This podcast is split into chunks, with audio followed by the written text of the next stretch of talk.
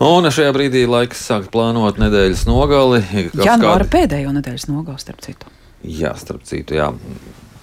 Ko tad darīt? Kā atzīmēt šo nedēļas nogali?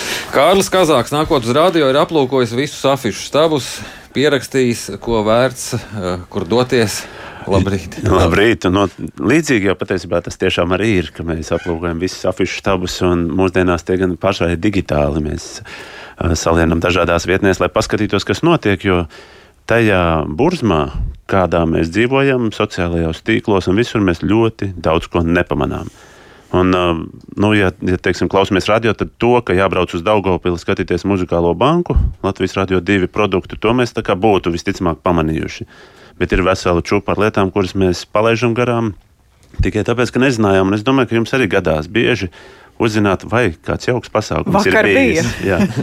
Un tāpēc, eh, tāpēc varbūt paskatāmies nu, tos citus, jo par muzikālo banku viss skaidrs. Mēs esam sabalsojuši. Jā, viss, viss ir sabalsots, dziesmas ir sabalsotas. Tas, kas ir interesanti, ir aizbraukt apskatīties, kā izskatās tās dziesmas, ko mēs pazīstam ierakstā, kā viņas izskatās dzīvajā izpildījumā.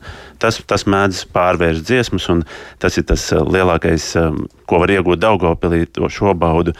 Bet tikmēr 28. Eh, un 29. janvārī Rīgā gan atkal izpārdots. Bet nu, tur vienmēr pastāv varianti, ka var meklēt kādu draugu, kuram varbūt ir kāda biļete. Ne.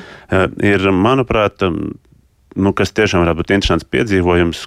Mūzika saplūst ar, ar gaismu, ar stāstu. Uh, es pat nemēģināšu anglisko izlasīt, bet cauri ap apakalipsē uz mājām ar Rihardu Zaļupi. Um, manuprāt, redzot to sastāvu, Raimons Petrausks, Jānis Bērziņš, Kaspars Kurdeko, Latvijas Voices.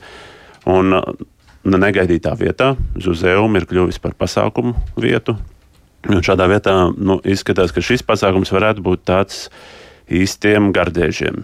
Laba mūzika, daudz gaismas, labs producējums. Es ticu, ka tur ir vērts aiziet un šo izbaudīt. Varbūt to biļeti kādam tiešām varētu ņemt, kuram viņi jau ir.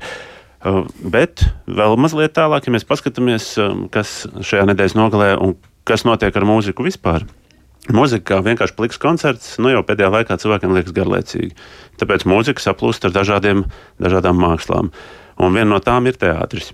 Un Siguldiešiem lieliski iespēja aiziet apskatīties eh, Čehova teātra izrādi 1900 leģenda par pianistu. Marhilevičs un Maksims Buselis ir uzveduši šo patiesībā brīnišķīgo grāmatu. Es, es to savulaik nopirku. Visiem iesaku arī izlasīt šo grāmatu. Grāmata ir izlasāma, manuprāt, stundas laikā, bet ir, tas ir brīnišķīgs stāsts. Un, un tagad aiziet iespēja to redzēt, kā lieli meistari to uzved uz skatuves, kāda būs šī versija.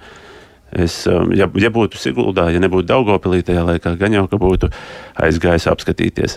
Bet izrādās, ka tas nav vienīgais teātris, kurš runā par pianistiem, jo ir taču arī mums Valmieras teātris, kas ir atbraucis uz Rīgu ar viesizrādēm ar Es neesmu klaviernieks.